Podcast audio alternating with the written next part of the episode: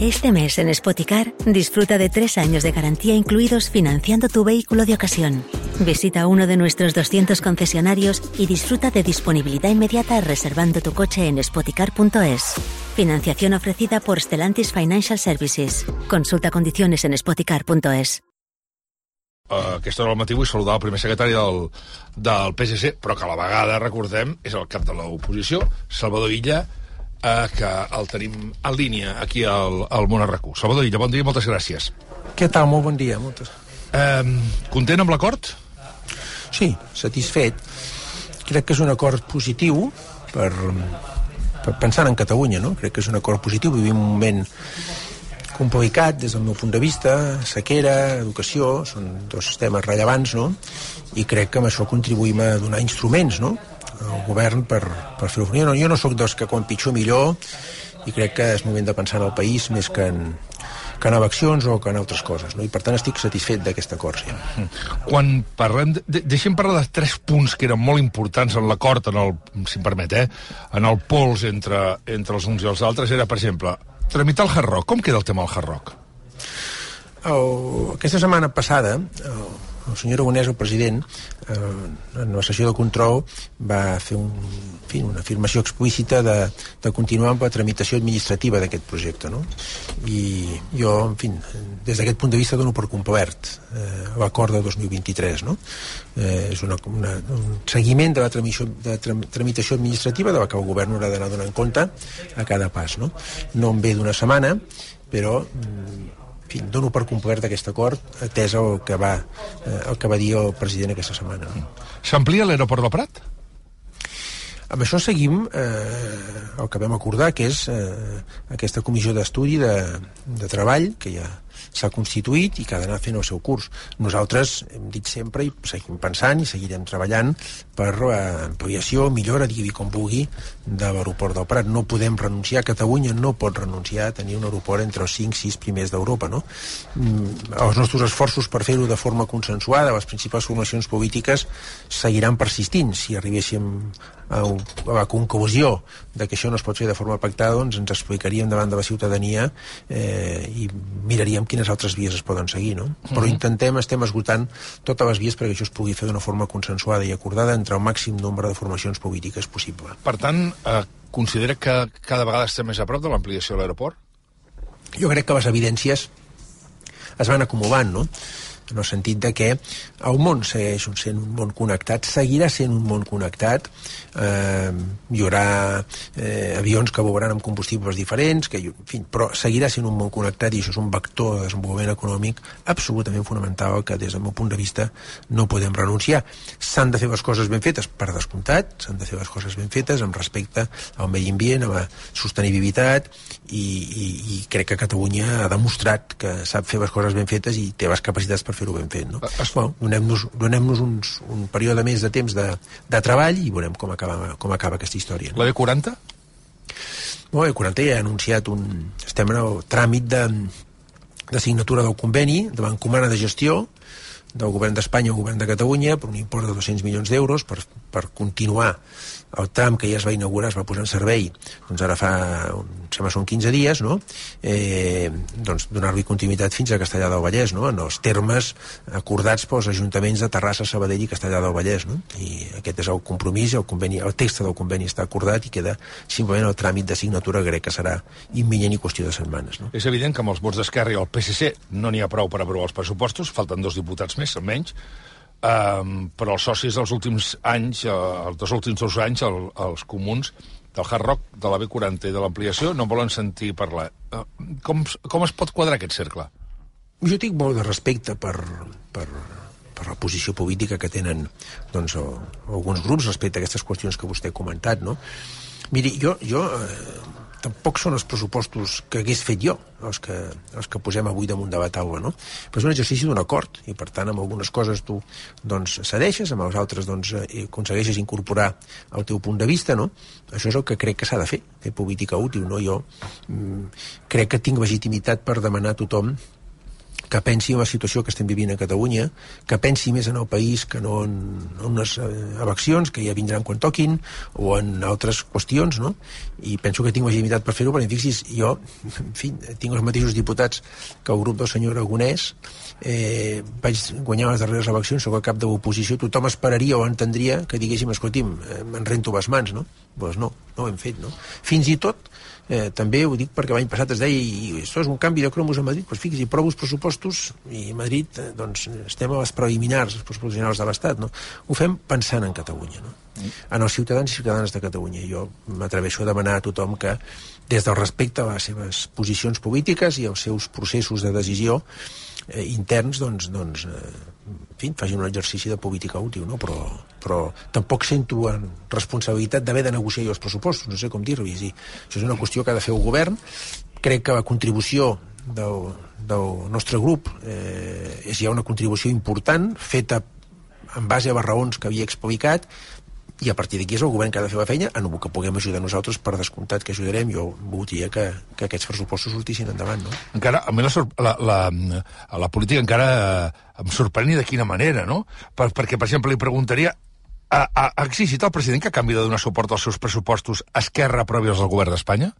No, jo crec que he vist també i dic de forma diferent el capteniment que està tenint Esquerra Republicana a l'àmbit de, de la política espanyola han de fer una negociació que, que, que tot just ha de començar a l'àmbit de, del pressupost de, de l'Estat i tenen tot el dret del món de posar les seves peticions damunt de la taula i de fer aquesta negociació.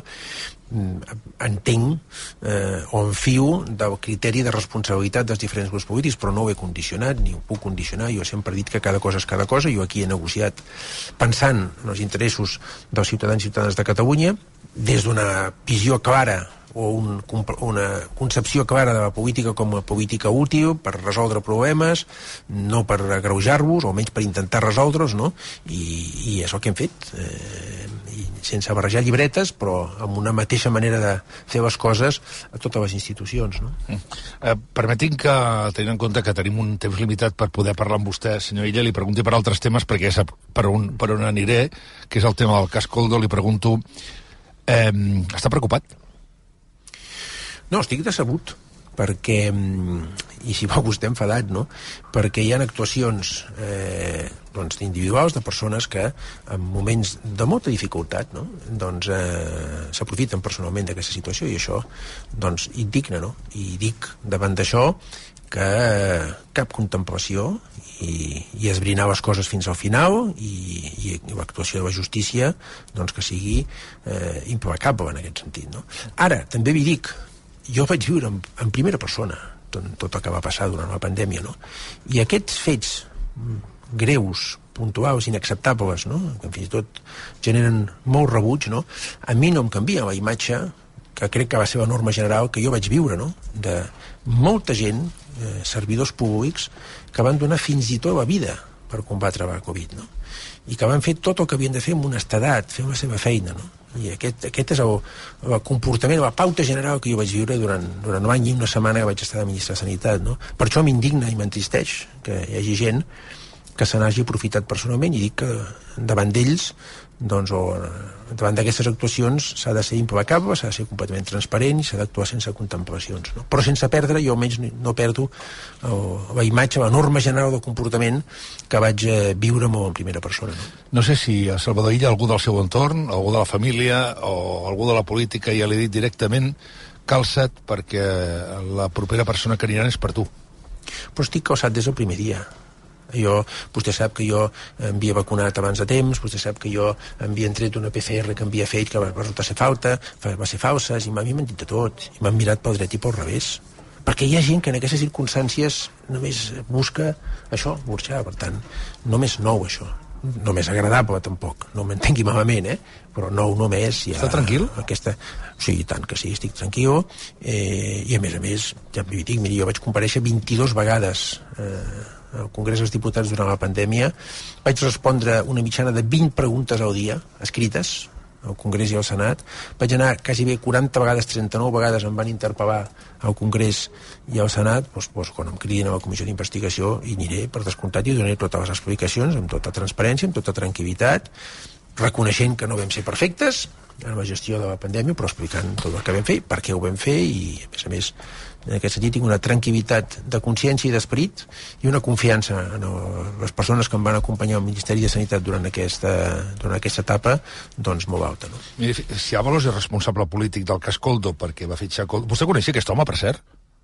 Sí, jo havia saludat perquè anava sempre amb el ministre Avalos, per tant el coneixia d'haver-lo saludat, sí, sí. Però d'haver-lo saludat, res més, vull dir, no, no tenia cap més... Eh, res més. Res més, eh? Ho dic perquè...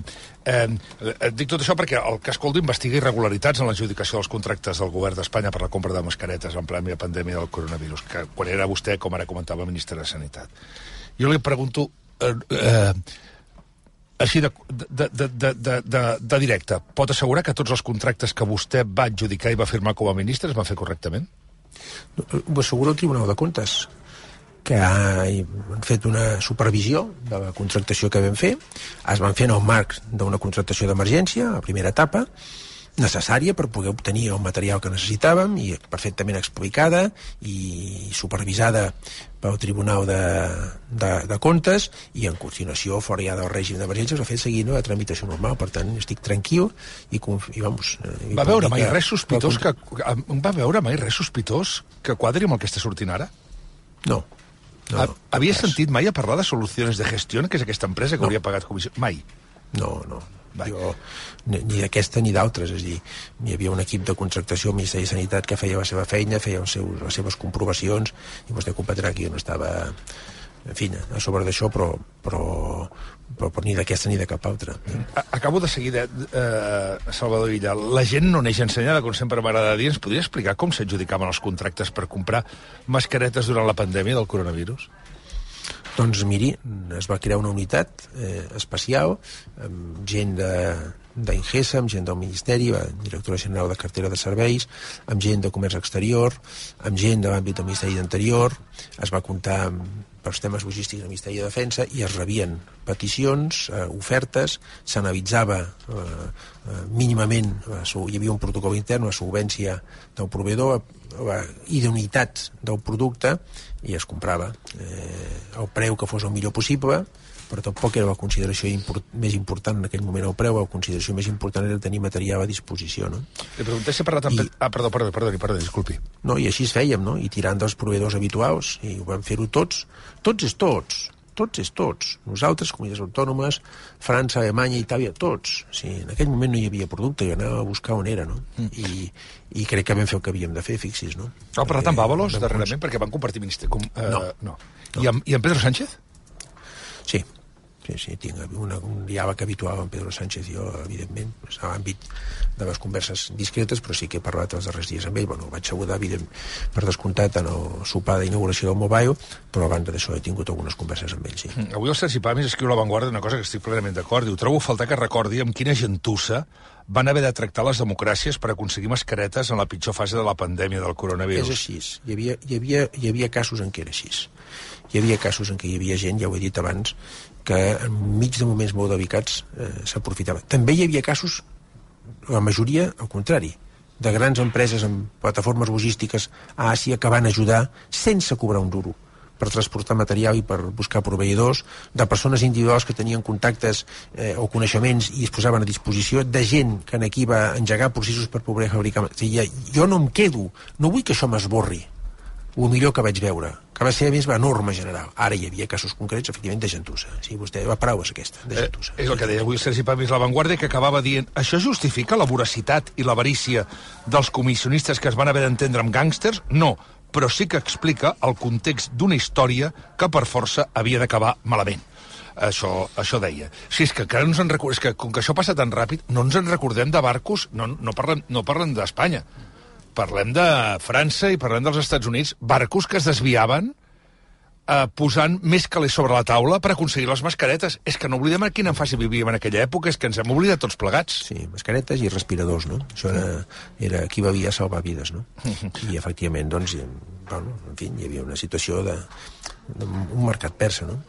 Acabo. I, eh, eh s'investiguen els contractes del Ministeri de Foment amb solucions de gestió, però aquesta empresa també l'hauria contractat el govern balear, amb Francina Armengol, el govern canari, amb l'actual ministre Àngel Torres.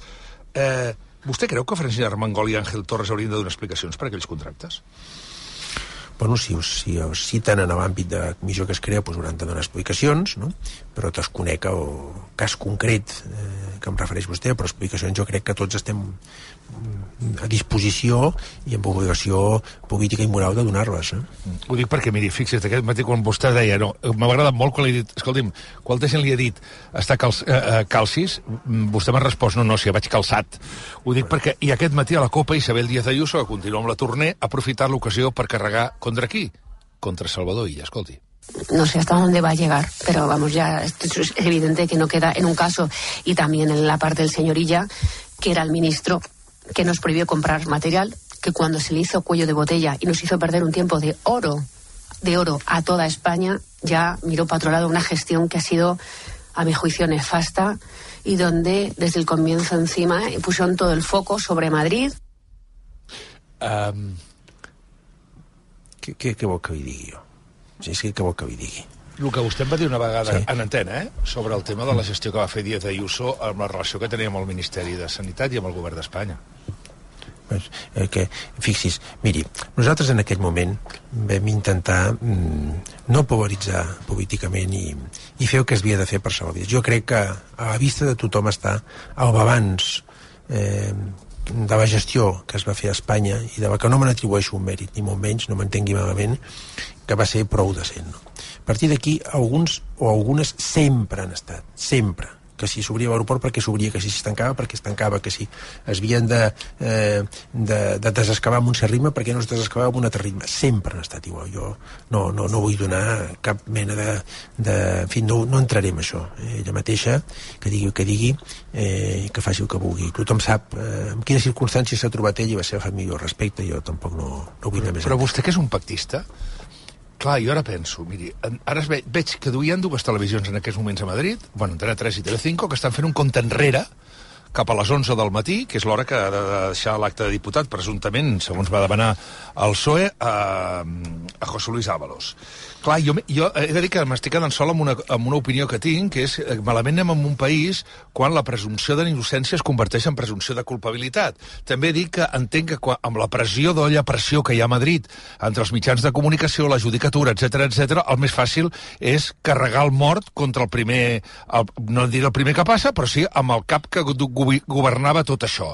Vostè no creu que estem en un perill políticament, repeteixo, vostè que és un pactista que de mena que eh, paguin d'entrada gent que de moment no està ni tan sol ni, ni imputada, ni investigada, ni res? Miri, jo el que no, no, no m'agrada és l'estiu o la concepció que tenen alguns de la política com un joc estrictament de poder que justifica qualsevol cosa per arribar al poder.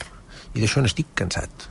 N'estic cansat i això comporta un llenguatge, comporta eh, en fi, mentida, la falsedat, comporta aquesta arrogància de donar, de donar lliçons a tothom, aquesta senyora que vostè ara m'acaba de dir, no? Qui, qui és ella per donar lliçons? Qui és ella per donar lliçons? Amb el balanç que té la comunitat de Madrid de la gestió de pandèmia i amb les circumstàncies familiars amb què s'ha trobat, qui és ella per donar lliçons? No? Aleshores, jo dic, si una cosa s'ha fet malament s'acabareix, màxima transparència, màxima contundència, i no m'agrada aquest clima ni aquesta concepció d'una política de, de confrontació i entesa estrictament com un joc de poder. Jo m'agrada més entendre la política, o intento entendre la política com un servei públic, com una suma de diferents punts de vista, que efectivament és un exercici moltes vegades d'acordar i, de, i de pactar. No? Així és com ho entenc, i crec que és així com avancen les societats i com es poden intentar resoldre alguns dels problemes que tenim plantejats. No? I, és, i d'aquí no em mouré, i d'aquí no em mouré, per més que em provoquin, que em mirin d'aquí, jo no em mouré. No? I el que fem, hem fet avui doncs s'emmarca en aquesta manera de veure les coses. No? Mm, mm, per tant, ha d'entregar l'acte de diputat eh, a Valós? Jo subscric la, la decisió que, que, que va adoptar ahir l'executiva dels, dels socialistes, no? de, de, del Partit Socialista, de, de dir, escolta, has, has, has, de, has de donar un pas al costat perquè doncs, vas, vas triar malament un col·laborador molt estret teu. No? I, a més a més, en aquest moment crec que és molt important donar un senyal de que nosaltres, eh, quan ens trobem en casos d'aquest tipus, actuem eh, amb severitat i amb tota, amb tota contundència. No? I això a vegades comporta doncs això, sacrificis personals. No? Però crec que és en aquest moment prima el donar un senyal que va, de que no actuem tots de la mateixa manera quan hi ha casos d'aquest tipus plantejats. No? Li agraeixo molt, Salvador Illa, avui aquesta sinceritat, com sempre, aquí al Monarraco. Gràcies, eh? Moltíssimes gràcies, un plaer, com sempre. Bon dia.